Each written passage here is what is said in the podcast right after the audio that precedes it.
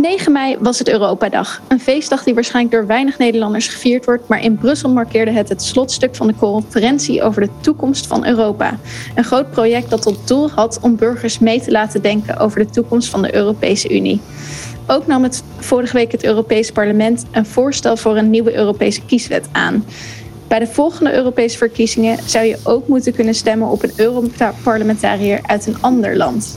Ik bespreek vandaag met Bas of deze initiatieven inderdaad tot de broodnodige democratisering van de EU kunnen leiden, of dat het vooral weer de EU een stap ingewikkelder en bureaucratischer maakt. Welkom bij Bellen met Bas, de podcast over Europese politiek waarin we bijpraten met GroenLinks-Europarlementariër Bas Eickhout. Mijn naam is Mijke Vedder.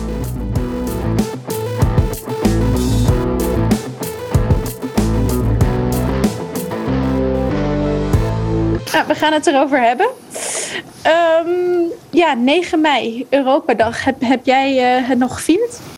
Uh, ja, ja, nou ja, vieren. Ik ben sowieso niet zo heel erg van, van het vieren van feestdagen, om heel eerlijk te zijn. Maar ja, voor mij, ja, 9 mei is wel gewoon. Ik bedoel, ik weet het wel. Ik sta er wel mee op van. Ik weet dat het de dag van Europa is.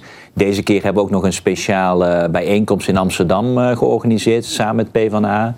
Dus, uh, dus het, ja, het stond wel in het teken van Europa. Maar ja, om nou te zeggen dat, dat ik met een soort vlaggetje uit mijn bed opstond uh, in de ochtend. Nee, nee, dat ook weer niet. Het Europese volkslied niet uh, gezongen? Ik, ik heb niet het hymne gezongen met het hand op mijn hart, nee. Nee, nee. nee. Nee, en ik, ik denk toch ook dat veel Nederlanders dus inderdaad uh, zich überhaupt niet bewust zijn van deze dag. Hoewel ik het idee heb dat het wel weer iets meer in de media was ook dit jaar. Nou, het viel nu natuurlijk ook wel samen met uh, de, de, de bevrijdingsdag zoals die in Rusland wordt gevierd. Uh, ja. dus, dus dat is natuurlijk een toevalligheid, want de 9 mei is een paar jaar later. Maar goed, ook weer niet zo toevallig, omdat rondom deze periode heb je natuurlijk gewoon het einde van de Tweede Wereldoorlog. En dat was ook waarom een paar jaar later, op 9 mei, wel de aankondiging van nou ja, de, de eerste stappen naar Europese samenwerking werden gedaan. Dus het is eigenlijk wel altijd wel rondom diezelfde periode dat. Nou, einde oorlog en begin van de EU. Ja, dat zit wel in hetzelfde tijdsgevricht natuurlijk. Dus, dus nou ja, dat kreeg nu iets meer aandacht dankzij Poetin. Ja. Uh, dus, dus het is ergens logisch, maar uh, het klopt wel. Ik heb ook wel het gevoel dat het, dat het weer iets meer aandacht krijgt. Ja, um, dit jaar werd ook 9 mei dus aangegrepen om uh, ja, een, een, een, conclusie te breien aan de conferentie over de toekomst van Europa. Ja. Dat is nu al een uh, jaar aan de gang, of eigenlijk al jong, langer, maar officieel uh, nu een jaar bezig. Um, ja, wat is dat nou eigenlijk? Het afgelopen jaar zijn er allerlei burgerpanels georganiseerd om van Europeanen te horen hoe ze zelf uh, nadenken over die toekomst van Europa. Um, nou, er zijn allerlei conclusies uitgekomen. Die gaan we zo bespreken. Maar eigenlijk leek het project aan het begin al een beetje gedoemd tot falen, omdat er ruzie ontstond over wie nou precies de voorzitter moest zijn van die conferentie. Critici zagen dat ook meteen als bewijs dat het uh, nou ja, niet zou gaan lukken en weer uh, eigenlijk een ja, heel Brussels. Brussel-bubbelverhaalachtig was. Heb jij toch het gevoel dat, dat die mensen gelijk hebben gekregen? Of uh, ben ik dan te cynisch? Nou, ik moet zeggen, heel erg aan het begin was ik ook heel sceptisch. En met name inderdaad die strijd om die voorzitters. Hè, wie mag dan de voorzitter zijn? Echt gênant. Uh, en dan ook weer de oplossing dat dan elk instituut gewoon zijn voorzitter. Dus dan uiteindelijk, hoeveel voorzitters waren daar uiteindelijk? Nou ja, het was wel echt. Het, het begon wel met alles wat je weet van: oké, wat er misgaat in die Europese samenwerking. Zo begon het. Dus dat er toen mensen dachten: van nou, dit gaat niks worden. Uh, om heel eerlijk te zijn, ik was ook erg sceptisch. Ik, ik stond niet meteen aan het begin dat ik dacht: nou, dit gaat een succes worden. Uh, dus, dus, dus iedereen die, die kritisch aan het begin was ja, die gaf ik wel gelijk. Ik, ik denk dat, uh, dat uiteindelijk het proces meer heeft opgeleverd dan ik ook had verwacht. Dus, hmm. dus ik, uh, ik ga niet zeggen dat dit nou een, een, een, een aardverschuiving in de Europese politiek is. Het is uiteindelijk toch, blijft het moeilijk om heel veel mensen hierbij te betrekken. En wat interessant was, die burgerpanels was ook gewoon soms ingelood. Hè? Dus dat waren niet, je hebt soms altijd van die soort, soort bijna professioneel geïnteresseerde Europese Europese burgers. Ehm, dat was hier echt niet het geval. Dit waren ook echt mensen die gewoon eh, erin rolden, erin zich hebben verdiept en tot conclusies zijn gekomen. Dus dan ja, kun je toch echt wel zeggen, dit zijn mensen zonder een bepaald uh, nou ja, vooringenomenheid die tot bepaalde conclusies komen. Dat maakt het allemaal wel waardevoller. Uh, en, in, en in die zin denk ik dat het uiteindelijke proces echt wel wat meer heeft opgeleverd dan ik had verwacht. Maar ja, om nou te zeggen, we hebben hier in 27 landen een, een, nationale discussie erover gezien. Nee, dat blijft toch lastig om uh, mensen hiervoor te motiveren. Wat ook weer logisch is, hè? want uiteindelijk gaat het over verdragsteksten, wetsteksten. Ja, ja ik kan me wel heel goed voorstellen dat uh, mensen met iets anders bezig zijn. Ja, want daarom inderdaad, zoals je zei, mensen konden uh, zelf input aanleveren. Maar er zijn ook mensen inderdaad gewoon echt opgebeld om te vragen of ze aan het panel mee wilden doen. En dat is inderdaad uh, ja, random geselecteerd. Dus ja, je zou wel kunnen zeggen dat die conclusies ook gewoon uh, een representatie zouden moeten zijn van nou ja, de gemiddelde burger. Um, maar ja, we, we zitten nu met 300 aanbevelingen volgens mij. Uh, die zijn afgelopen maandag dus uh, gepresenteerd. Um, dat, dat zijn er nog wel wat. Uh, zijn daar, welke belangrijke punten haal jij daaruit waarvan je denkt, ja, daar moeten we echt iets, iets mee gaan doen? Nou ja, kijk, in, in algemene zin, wat ik gewoon interessant vind, is dat al die aanbevelingen eigenlijk wel allemaal in de richting gaan van, van we hebben gewoon meer Europa nodig. Hè? Uh, het, is, het is altijd een beetje vermoeiend. Het debat over Europa wordt heel snel platgeslagen tot meer of minder. Uh, daar zit natuurlijk een heel debat achter, maar het komt wel heel vaak hierop neer natuurlijk. Van op welke terreinen willen wij dat Europa meer macht krijgt? Wat niet per se betekent dat dan een nationale land minder macht krijgt. Soms moet je het juist ook zien als dat jij iets nationaal organiseert, maar dat je het juist kan versterken omdat je ook Europees zeggenschap organiseert. Uh, en, en, maar je ziet wel in al die aanbevelingen, als je daar godmatig doorheen kijkt, zie je wel een hele duidelijke tendens. Van we hebben gewoon meer zeggenschap nodig op Europees niveau. Uh, dat, dat, uh, het, het leest op best wel wat fronten echt, echt als een GroenLinks verkiezingsprogramma. Dat is natuurlijk wel interessant om dat te zien. Dat, dat als je mensen gewoon vraagt van nou, wat, wat uh, ga eens nadenken over wat je verwacht van Europa. Ja, dan, dan, dan zie je toch dat mensen uiteindelijk meer van Europa verwachten dan wat Europa op dit moment nog kan leveren. Uh, en ik denk dat dat voor mij een hele grote toegevoegde waarde is. Is dat heel veel mensen, er is chagrijn over Europa. En heel vaak in een soort eerste reactie denk je dan, ja, Europa levert niet, dus hou, maar, hou er maar mee op. Als je mensen een beetje prikkelt en uitdaagt om verder te kijken, dan na die eerste reactie kom je erachter van, ja, ik ben niet tevreden van, over Europa, omdat eigenlijk er nu te weinig mogelijk is. Nou ja, die, die tendens zie je wel heel duidelijk na, na een jaar werken. En dat, dat vind ik gewoon grofmazig wel het interessantste aan dit, uh, dit proces. Ja, dat geeft, uh, geeft toch ook wel hoop, zou je zeggen. Um, naast dat, je zei al inhoudelijk, um, ja, worden er heel veel voorstellen gedaan die eigenlijk best wel uh, ook de GroenLinks-lijn zijn. Maar het gaat ook wat fundamenteler vaak over echt het hervormen van de Europese Unie om, om dus het democratischer te maken. Um, de discussie over het vetorecht is nu ook weer helemaal opgeleid. En nou ja, daar ging het, ging het ook bij de presentatie van deze conclusies over. Um, waaraan zien we nu dat dat uh, zo hard nodig is eigenlijk? Nou ja, dat zie je.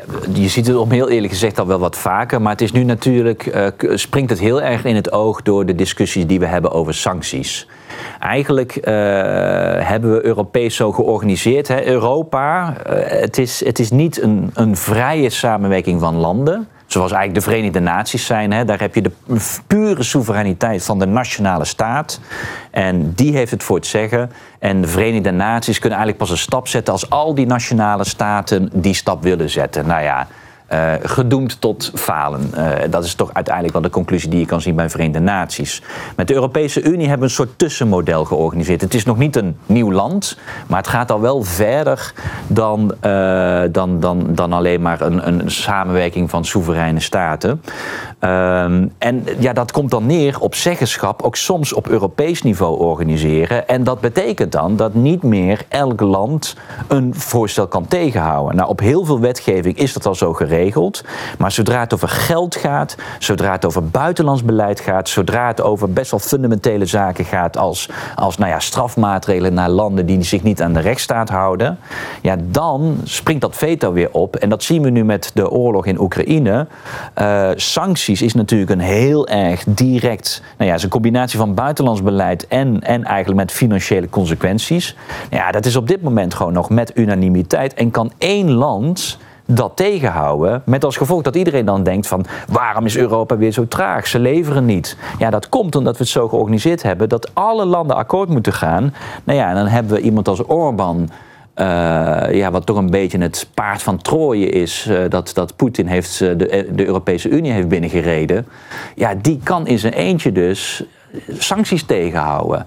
En dan zitten we nu midden in de discussie over een boycott, een embargo op olie. Ja, dat zit Orbán gewoon in zijn eentje uh, volledig te traineren.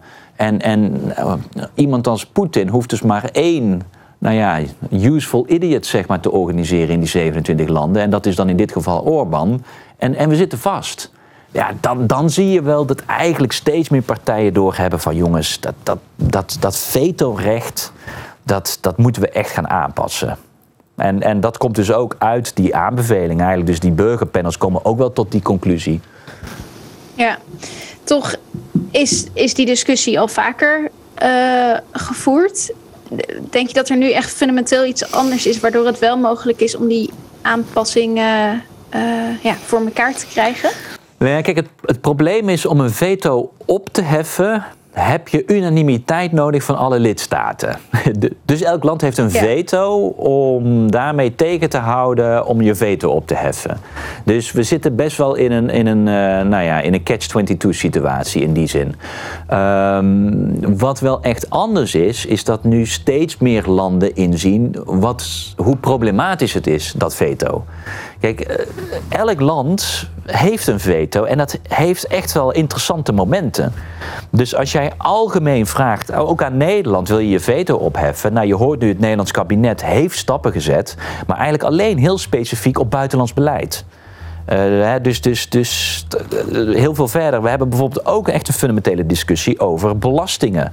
Uh, waarom, ja. waarom is er nog steeds, zijn er heel veel belastingontwijkingsmogelijkheden voor bedrijven? Omdat ieder land zijn eigen belastingstelsel heeft. En het is heel aantrekkelijk om toch ervoor te zorgen dat belasting via jouw land loopt. En elk land kan dat voor zichzelf besluiten. En als we zouden zeggen, zullen we Europees proberen dat echt dicht te timmeren, zodat die bedrijven dat niet meer kunnen? Ja, is er altijd wel één land die zegt, nou, weet je, voor, voor benzine en diesel vindt Luxemburg het nog wel interessant. En Cyprus, maar ook Nederland.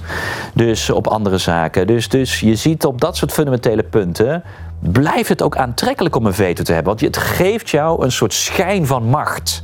Jij kan met één stem iets tegenhouden. Maar het is echt schijn. En dat zien we nu met die sancties. Want nu kan één iemand het tegenhouden. En daardoor word jij niet machtiger, maar wordt Poetin machtiger. En ik denk dat dat besef wel steeds meer aan het indalen is. Dat, dat een veto jou niet per se meer macht geeft. Maar soms juist partijen als Poetin meer macht geeft. Nou ja, dat, dat, ja. Lijkt mij, dat lijkt mij een belangrijke les om echt stappen te gaan zetten. Ja, want in eerste instantie geeft het je als land inderdaad de macht om iets te blokkeren, maar uiteindelijk heb je dus ook als land veel meer macht door Europa, als Europa uh, eensgezind te zijn. Nou ja, jij kan soms een heel erg fijn gevoel hebben dat je iets hebt tegengehouden, maar vervolgens met het, uh, heb je 27 landen en er is er elke keer een land die het doet. Dus jij kan één keer jouw veto benutten, maar je krijgt hem 26 keer terug, zeg maar. Ja. ja, het gevolg is dat Europa stilstaat. En daar hebben wij uiteindelijk. Dus het is, het is een soort, het is een soort nou, snelle druk, zo'n veto. Het geeft je een hele snelle voldoening. Maar op de lange termijn blijkt er eigenlijk gewoon niet beter van te worden. Nou, dat is echt wel een beetje het gevoel, wat aan de hand is met dat vetorecht. Um, want ik weet ook nog uh, dat afgelopen zomer was het inderdaad ook, uh, was dat al het jaar daarvoor, over het corona-herstelfonds uh, vrij erg op de rem ging staan. Ja. Um, nou, dat leverde uiteindelijk Hoekstra ook geen hele goede reputatie op. Is Nederland dan nu wel bereid uh, om ook mee te gaan in het afschaffen van zo'n veto? Of zijn ze daar ook huiverig voor als het dus nou ja, ook over dit soort zaken misschien. Uh, nou, kijk, Wopke Hoekstra heeft afgelopen maandag, hè, op de Dag van Europa, heeft ook Wopke mm Hoekstra een lezing gehouden in Maastricht. Ja, ik vond dat toch nog steeds een nogal dunne visie op Europa. Dus ja, op buitenlands beleid willen ze een veto opheffen. En dan heb je al het gevoel dat dan de Nederlandse regering al denkt van... nou zeg, dat, daar, daar, dat was een prachtige stap, dat is een grootste stap. Dat, zonder dat daar dus achter een veel fundamentelere discussie zit van worden wij als Europa gezamenlijk nou beter van een veto? Ja, die discussie zit er gewoon echt nog niet in. En ook wel de vraag van, want wil je dit duurzaam oplossen, dan zul je ook serieus naar de verdragswijziging moeten kijken. En dan hoor je toch wel weer de neiging van, van het Nederlands kabinet. Nou, verdragswijziging is compleet. Dus we gaan een beetje hier en daar wat aanpassen, maar verder niet te fundamenteel. Dus, dus de visie op de hervorming van de Europese Unie van dit Nederlandse kabinet blijft erg dun. Ja, want dat is nu eigenlijk wel de vraag die op tafel ligt. Of deze hele conferentie echt tot fundamentele verandering gaat leiden. Want dat zou dus ook tot een verdragswijziging moeten leiden. Ja. Um, in het verleden zijn er ook alweer pogingen voor geweest. Die zijn stuk gelopen. Uh, zoals je zelf al zei, voor zo'n verdragswijziging, daar, daar is dus unanimiteit uh, voor nodig. Uiteindelijk wel, ja. Hoe zit dat? Ja, ja. nee, kijk, het, het, verdrag, eh, we mochten dat niet grondwet noemen, maar het heeft uiteindelijk dezelfde uitwerking als een grondwet. Namelijk, het is de basis, het zijn de basisprincipes waarop de EU functioneert. Ik bedoel, ik als Europarlementariër werk met bepaalde mogelijkheden, met bepaalde competenties en die zijn geregeld in dat verdrag. Het is eigenlijk een soort grondwet. Uh, omdat dat, dat regelt ook waar het Europese Hof van Justitie over gaat. Dus ook de juridische kant is daarin geregeld. Dus eigenlijk is dat echt de basis van de spelregels hoe wij met elkaar werken. Het is op zich logisch dat is een van de weinige veto's die ik logisch vind. Dat is net zoals dat een grondwetswijziging in Nederland ook een tweederde Kamermeerderheid vraagt. Omdat dat een dusdanig fundamentele verandering is. Nou, op Europees niveau vind ik dit dan nog een logische dat je wel zegt, nou ja, zo'n verdragswijziging, dat echt de spelregels van hoe wij met elkaar samenwerken vormt. Ja, dat je daar wel van zegt, elk land moet daarmee akkoord gaan. Uh, dus dat is nou een van die weinige veto's die ik dan nog wel kan begrijpen. Maar dan zie je dus meteen het effect van een veto, wat ik zeg, hè, een soort schijnmacht die je hebt. Maar omdat men zo bang is dat er één land is die het gaat blokkeren, hebben we het er maar niet over. Dus tot nu toe. Wordt die hele discussie uit de weg gegaan? Ja, tot nu toe is de houding geweest van bijna alle landen. Verdragswijziging wil het er niet over hebben. Nou ja, dat is nu in een aantal landen echt aan het veranderen. Uh, Draghi was laatst in het Europees Parlement, was er open voor. De Duitse regering heeft gewoon expliciet gezegd van daar staan wij open voor. Ook Macron uh, gaat in die kant. Dus je ziet echt het debat nu dat er meer openheid is voor verdragswijziging. Nederland is nog niet daar zover, uh, Nederlandse regering. Maar goed, het gebeurt nogal wel vaker dat Nederland een beetje achteraan hobbelt. maar je voelt wel aan dat de druk om toch een keer wat structureler weer naar dat verdrag te kijken. Van is dat nog wel gewoon van deze tijd? Nou ja, daarvan is het antwoord uiteindelijk toch ook, ook van dat burgerpanel nee. Dus er komt een moment dat we weer een verdragswijziging gaan krijgen. Daar ben ik van overtuigd. De grote vraag is wanneer. Ja, in het NRC schreef hierover. In het verleden leidden verdragswijzigingen tot schier eindeloze politieke debatten. Bovendien is de EU in tijden van crisis in staat gebleken nieuwe wegen te gaan, in te gaan zonder de verdragen aan te passen duidend ook eh, op de, de coronacrisis. En dat het toen toch wel mogelijk was om uh, Europees ook schulden aan te gaan. Buiten de verdragen, omdat er allerlei manieren voor zijn gevonden.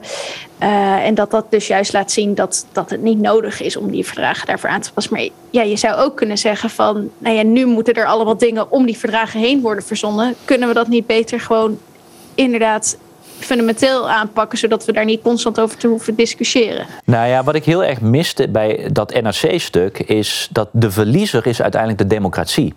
Want hm. ja, je kan om verdragen heen werken, maar dan is het wel zo dat je dus unanimiteit nodig hebt om dat te doen.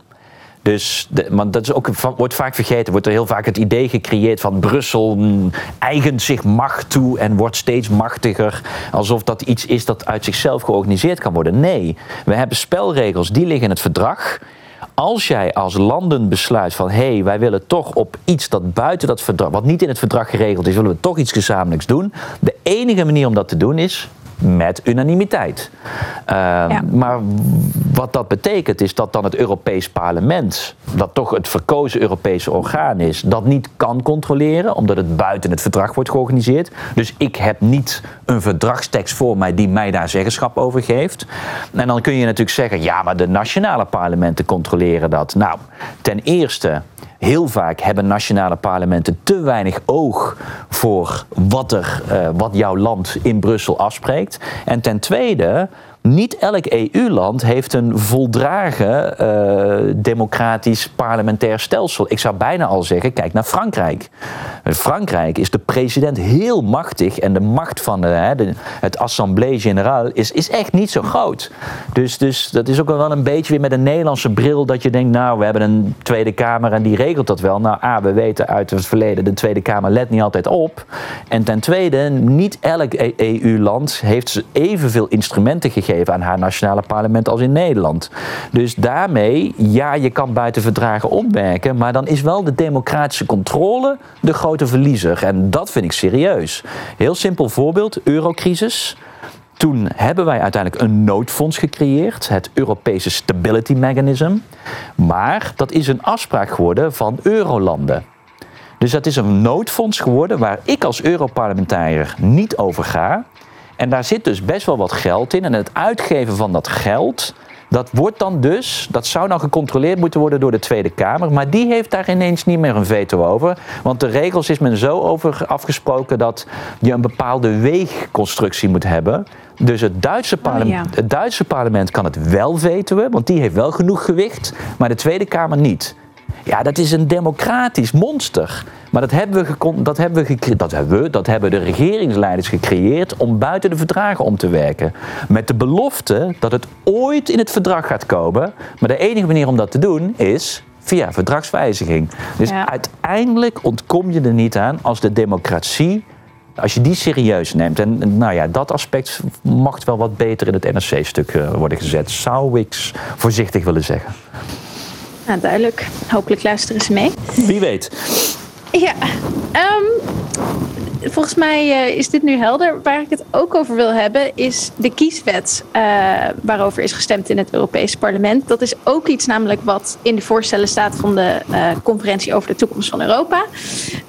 dat er een Europese kieswet moet komen, waardoor je ook zou kunnen stemmen op Europarlementariërs uit andere landen. Um, maar nou is dus naast dat, dat voorstel wat, wat maandag is gepresenteerd, is daar ook al een voorstel doorgedaan door uh, het Europese parlement.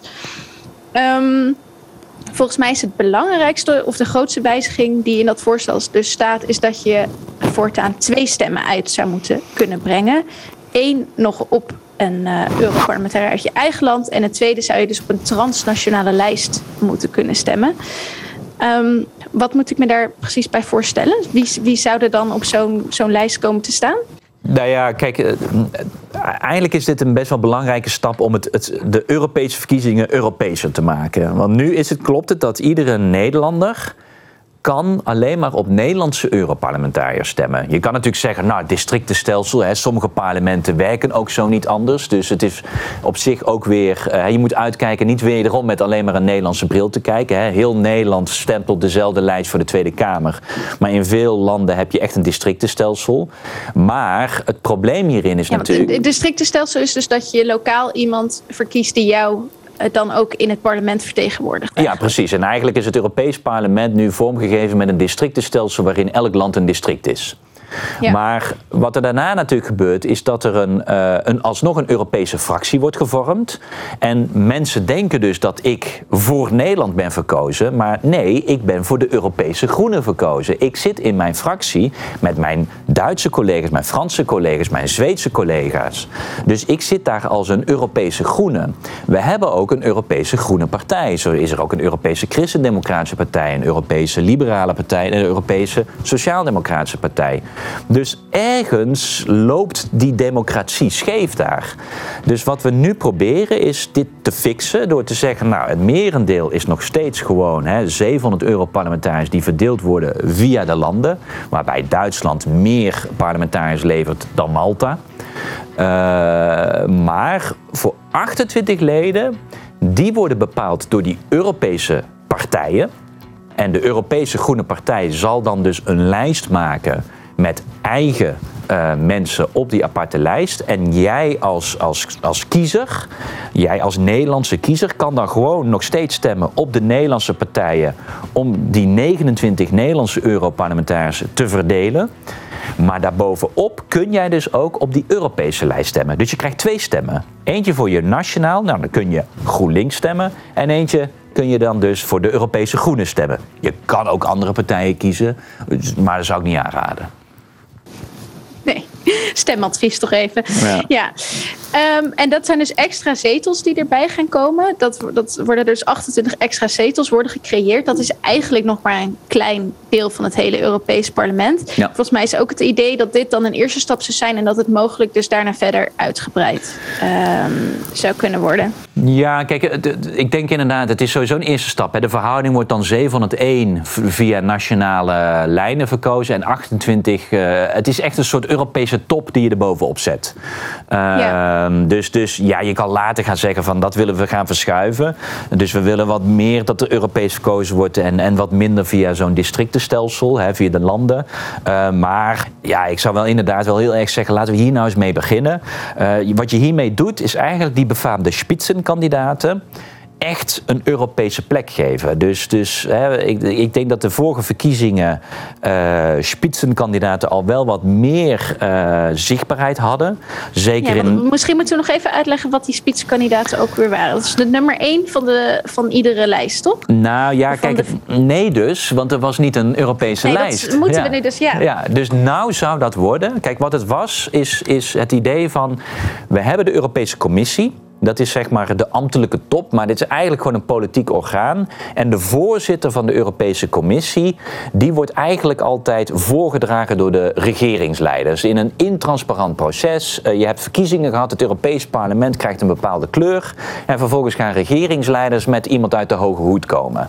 Nou ja, dat probeerden we, ook wij als Europees Parlement stonden daar heel erg vooraan. Uh, maar uiteindelijk zie je dat alle Europese families hier toch wel in hebben gewerkt. Dan heb ik gezegd van oké, wij dragen allemaal een kandidaat voor die dan potentieel de voorzitter van de commissie kan worden. Dat noemen wij de spitsenkandidaat.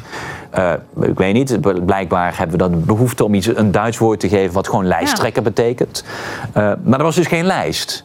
Dus je bent lijsttrekker zonder lijst eigenlijk. Dat was, dat was wat het was. Uh, en wat we nu gaan doen, is dat het dus logisch is dat die spitsenkandidaat, die dus eigenlijk van jouw politieke familie de kandidaat is om voorzitter van de Europese Commissie te worden, die maak je nu wel degelijk lijsttrekker, maar dan lijsttrekker van de mensen die dus op die transnationale lijst komen. Ja, om het even samen te vatten, want ik weet niet uh, of dit inderdaad nog te volgen is. Maar jij was uh, bij de vorige Europese verkiezingen was jij spitskandidaat voor de Europese Groenen. Ja. Maar dat kon je niet terugzien op, op de lijst eigenlijk. Je stond inderdaad voor, gewoon voor GroenLinks op de lijst. Maar in Duitsland uh, kon men niet op jou stemmen. Nee. nee. Dus dat waren hele rare momenten. Dat ik, ik heb toen heel veel interviews gegeven. Dus ik heb denk ik wel in elk land in een krant gestaan met een interview. Maar uiteindelijk ja. konden alleen Nederlanders op mij stemmen. Nee, en, maar het idee daarachter was inderdaad van de uitslag van die uh, parlementsverkiezingen moet toch ook gereflecteerd worden in het verkiezen. Of ja, er is dus geen verkiezing, maar het, het kiezen van uh, van die voorzitter van de Europese Commissie. Dus de fractie die het grootste wordt, die moet ook dan daar de voorzitter gaan leveren. En dat zou dan die spitsenkandidaat moeten zijn. Precies, precies. Nou, maar dat is niet gebeurd. De laatste keer is dat niet gebeurd. Uh, nee. De eerste keer wel. We hebben dat nu twee keer gedaan. De eerste keer was het uh, Jean-Claude Juncker. Uh, die namens de Christen-Democraten de leider was. En die is toen wel voorzitter van de commissie ook geworden.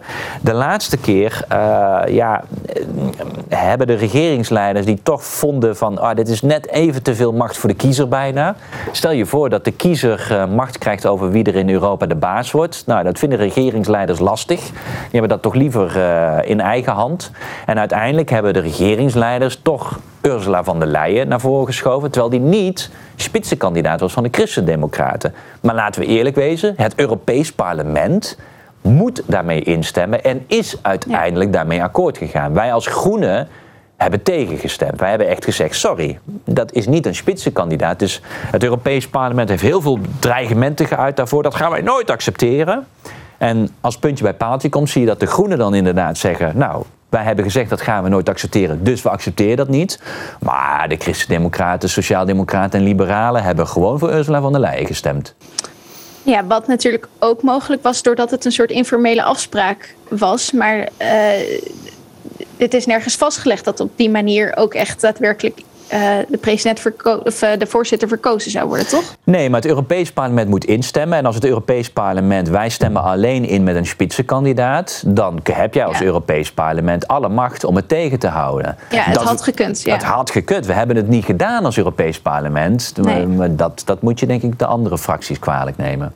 Ja, en het idee is nu dus ook door dus zo'n tweede stem uh, uit te kunnen brengen, dat daarmee ook dat proces van het uh, spitsenkandidaatsysteem meer wordt geformaliseerd. En dat je daardoor ook direct kan zien wie die spitsenkandidaten zijn en daarop kan stemmen. Ja, precies. Want nu word je dus ook echt direct verkozen in het Europees Parlement. Je wordt ook eigenlijk bijna verkozen als fractievoorzitter. Hè. Dat is net zoals ja. in Nederland het logisch is dat de lijsttrekker daarna fractievoorzitter wordt. Nou ja, dat, dat zie je, dat mechanisme ga je dan ook meer zien hierin. Dus ja, het is wat complexer omdat je het via twee stemmen moet doen. Maar uiteindelijk zijn we hiermee eigenlijk een Europese lijsttrekker aan maken. Die ook meteen de Europese fractie leidt. En die dus ook directer ook een kans maakt om voorzitter van de commissie te worden.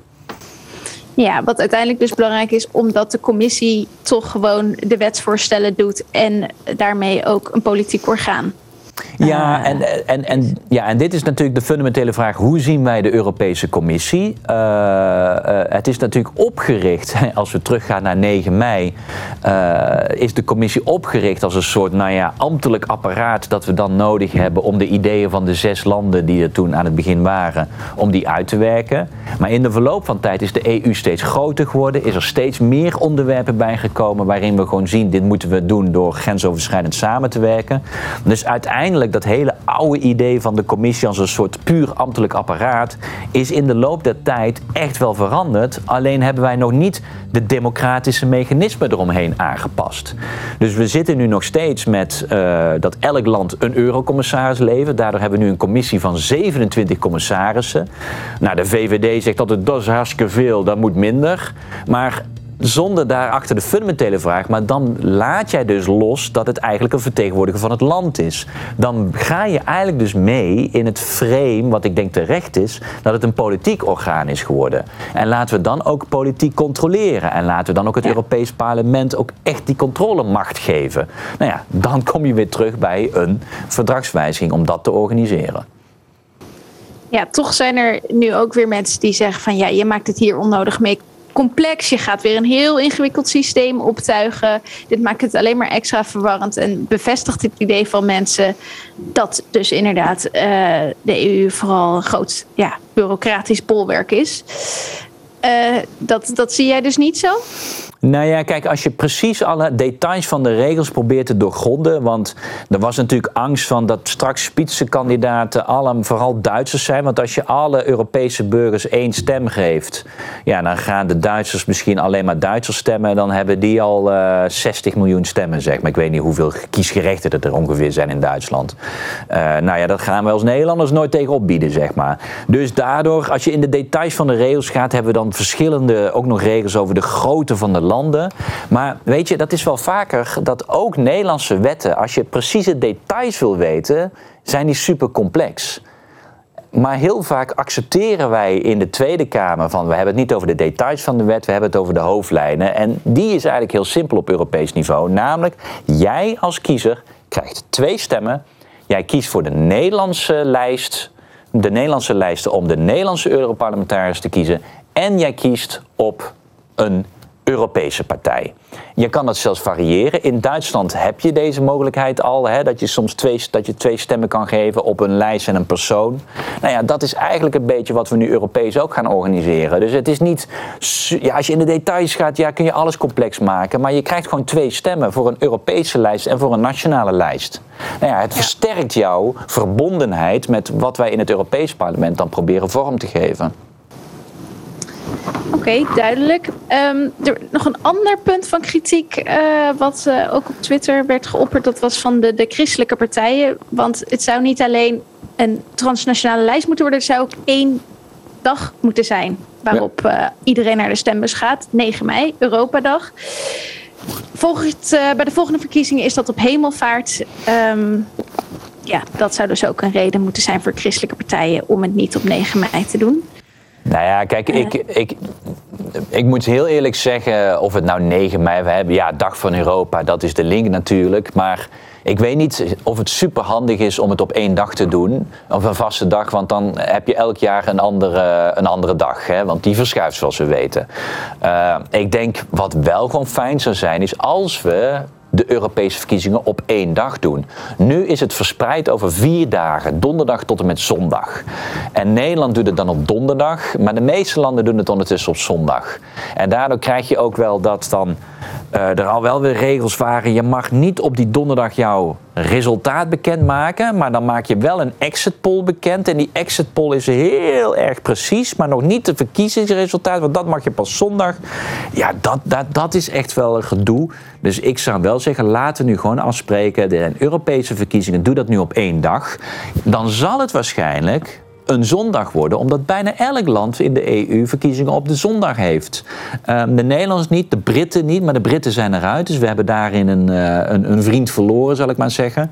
En het is eigenlijk wel interessant dat Nederland een van de weinige landen is waar wij niet stemmen op zondag. En zover, de laatste keer dat ik checkte, heb je in bijna elk Europees land gewoon christelijke partijen. En die zijn allemaal akkoord met stemmen op zondag. Dus, ja, dit dus dan moeten zij toch ook een keer met een fractiegenoot in het Europees parlement ja, gaan dit is, dit is nog een keer, dit is zo'n reliquie van ons uh, verzuilingssysteem waarin iedereen het voor het zeggen had. Nou, we zeggen dat Nederland onzuild is, dan is het misschien ook wel gewoon tijd dat we nu eindelijk een keer een beetje mee gaan doen met alle andere Europese landen en gewoon verkiezingen op zondag hebben. Ja, dus misschien dan toch, uh, in ieder geval dat is dan 9 mei bij de volgende Europese verkiezingen. De vraag is alleen wel of het echt al gaat lukken om dit systeem in te voeren voor die volgende verkiezingen. Want wat moet er nog voor gebeuren om dit echt tot werkelijkheid te maken? Ja, nou dit, dit moet uiteindelijk, uh, dit is een Europese kieswet. Uh, wat dan ook allemaal vertaald moet worden naar alle uh, nationale uh, kieswetten. Dus drie keer raden. Hier hebben landen een veto. Daar zijn we ja. weer. De, De cirkel, cirkel is rond. rond. Ja, precies. dus, dus overigens, ook hier kun je wel weer zeggen... Ja, je moet het uiteindelijk toch vertalen in je nationale kieswet... Uh, dus daarmee moet elk land die vertaalslag toch doen. Dus is het ergens logisch dat ze, een, uh, dat ze een, uh, nou, daar ook een, een, harde stem in hebben. Dus ja, alle landen moeten ermee akkoord gaan en moeten het dus dan nog vertalen in de nationale kieswet. Nou ja, we hebben twee jaar. Over twee jaar zijn de verkiezingen. Dus dat is sneller dan je denkt om 27 nationale kieswetten aangepast te krijgen. Dus Kijk, voor het Europees Parlement er staan wat meer dingen in die ik ook interessant vind. Maar met alle respect, eigenlijk is het allerbelangrijkste die transnationale kieslijst. En die 9 mei, die gaan we echt niet halen. Maar ja, vind ik ook niet het allerbelangrijkste. Ik zou nu proberen te focussen op die transnationale kieslijst er doorheen krijgen. En uh, nou ja, bijvoorbeeld de Duitse regering heeft het zelfs in, het, uh, in haar regeerakkoord staan. Macron heeft zich er al positief over uitgelaten. Italië eigenlijk ook. Dus je ziet de grote landen, die gaan wel die kant op. Dus ja, ik heb goede hoop dat we deze deal wel kunnen gaan krijgen met alle lidstaten. Grote vraag is, gaat dat nog op tijd zijn voor 2024? Dat gaat spannend worden. Ja, wie weet laat het nog even dan op zich wachten. Maar nou ja, mogelijk bij de volgende Europese, of de, de volgende volgende Europese verkiezingen. Jij noemde nog dat er nog meer interessante dingen in het voorstel staan. Wat, wat zijn dat? Nou, ik vind eigenlijk het allerinteressantste is dat nu ook het Europees Parlement heeft gezegd... er moet één kiesgerechtigde leeftijd komen en die moet ook nog eens 16 zijn. Nou ja, dat is natuurlijk ook wel een bommetje in de vijver. Uh, maar ja, wij als GroenLinks hebben in ons nationaal verkiezingsprogramma... dat wij uh, al willen dat we vanaf 16... Als je kijkt wat wij jongeren allemaal toevertrouwen En dan nog niet mogen kiezen. Dat mag je pas op je achttiende. Dat is eigenlijk heel raar. Dus we verwachten al heel veel verantwoordelijkheid van de jongeren. En eigenlijk ook op steeds jongere leeftijd. Maar kiezen zouden ze nog niet kunnen. Nou ja, en, en natuurlijk, daarin speelt mee. Uh, jonge kiezers hebben vaak heel erg de thema's die wij ook belangrijk vinden. Die zijn ja, van ik belang. denk dat toch meteen, het komt, komt ons ook niet heel slecht uit in die zin. Uh, ja, maar goed, dat is denk ik wel omdat wij heel vaak bezig zijn met de issues van de toekomst. Dus Ja. nou ja, is het niet onlogisch dat jongeren uh, dat we ook wel vaker al zo inzien. Dus ja, het zou ons misschien goed uit kunnen komen. Maar even los daarvan, ja, is het toch ook eigenlijk wel logisch dat wij nu 16-jarigen dat die verantwoordelijkheid durven te gaan geven. Dus we zien nou in een aantal Europese landen ook echt die, uh, die, die kiesgerechtigde leeftijd naar beneden gaan. Nou ja, het idee is dus nu ook in deze Europese kieswet, waar het Europees parlement hiervan mee komt, is te zeggen: maak dat Europees en 16 jaar. Nou ja. Ik denk niet dat dat meteen ook gaat lukken. Maar ik vind het wel interessant dat we hem neerleggen. En ik hoop dat het in Nederland ook dat debat wel weer stimuleert. Dat wij onze kiesgerechtigde leeftijd gaan aanpassen als Nederland. Ja, dus als je nu misschien, even kijken, 14 bent, dan uh, wie weet zou je dan ja, over ja, twee jaar... Uh... Over twee jaar zou je... Nou, en weet, het is echt zo, ik, ik, heel veel bezoekersgroepen hier zijn heel vaak scholieren. En die zijn ja. vaak heel goed ingevoerd in Europa. Vaak beter dan, dan wanneer we bezoekersgroepen van een uh, wat latere leeftijd... ik laat het in het midden hoe laat uh, komen... zie je dat die jongeren daar al veel meer mee bezig zijn. Dus soms heb je het gevoel, ja. laat maar die 16-jarigen inderdaad kiezen. Ja, fijn. Nou, ik heb genoeg dingen gehoord die, uh, die wel weer hoopgevend zijn, in ieder geval voor Europa, om toch iets, het iets democratischer te maken. Ja, maar er, zijn nog wel, er is nog wel een weg te gaan. Hè. Ook dit, het blijft Ja. Europa, dus, dus een conventie. Ook deze weg is lang. Ook deze, nou ja, kijk, als lidstaten hierin meegaan, dan kan het snel geregeld worden. Maar ja, we hebben hier wel gewoon uiteindelijk dit soort discussies voeren we hier in Brussel met, om goede redenen. Nou ja, het is wel de hoop dat dat op hetzelfde niveau ook wel gevoerd wordt in de nationale hoofdsteden. En- Maar dat is nu de volgende stap die nodig is. Ja, gaan we mee aan de slag. Yep. Oké, heel erg bedankt voor nu, Bas. Eh, en eh, ik spreek je snel weer. Oké, tot de volgende keer. Doei. Doei. Dit was Bellen met Bas, een podcast van GroenLinks Europa en de Groenen in het Europees Parlement. We horen graag van je. Laat je reactie achter op vriendvandeshow.nl slash bellen met Bas en meld je aan voor onze Europa-update op europa.groenlinks.nl. De audiovormgeving is door Studio Cloak. Tot een volgende keer!